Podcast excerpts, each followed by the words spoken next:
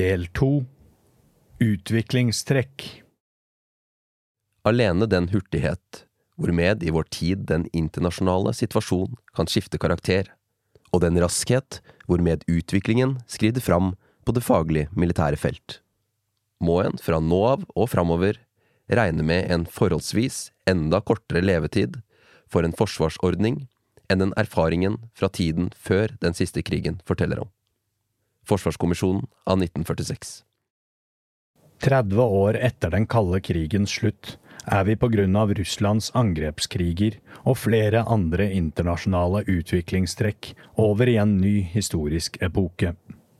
Det pågår omfattende og strukturelle endringer i det internasjonale systemet.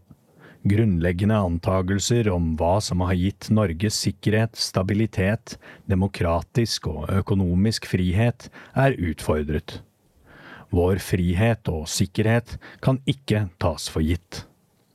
Rammebetingelsene for norsk sikkerhet og norske sikkerhetsinteresser er i en negativ utvikling, og vil etter Forsvarskommisjonens vurdering forbli usikre og ustabile i mange år fremover. Del to beskriver utviklingstrekk innen syv områder som Forsvarskommisjonen mener vil ha sentral betydning for utviklingen i tiårene fremover. Internasjonale maktforhold, nasjonal motstandsdyktighet, demografi, klimaendringer, økonomi, teknologi, og til slutt hvordan bruk av militærmakt er i endring og si noe om hvordan pågående endringer i Norges strategiske omgivelser virker inn på norsk sikkerhet og norske sikkerhetsinteresser, er krevende nok på kort sikt.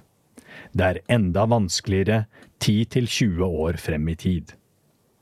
Utviklingen på alle de syv områdene er forbundet med usikkerhet, og kan anta andre former enn det kommisjonen vurderer. Samtidig har vi prøvd å identifisere noen utviklingstrekk som fremstår som viktigere og mer varige enn andre.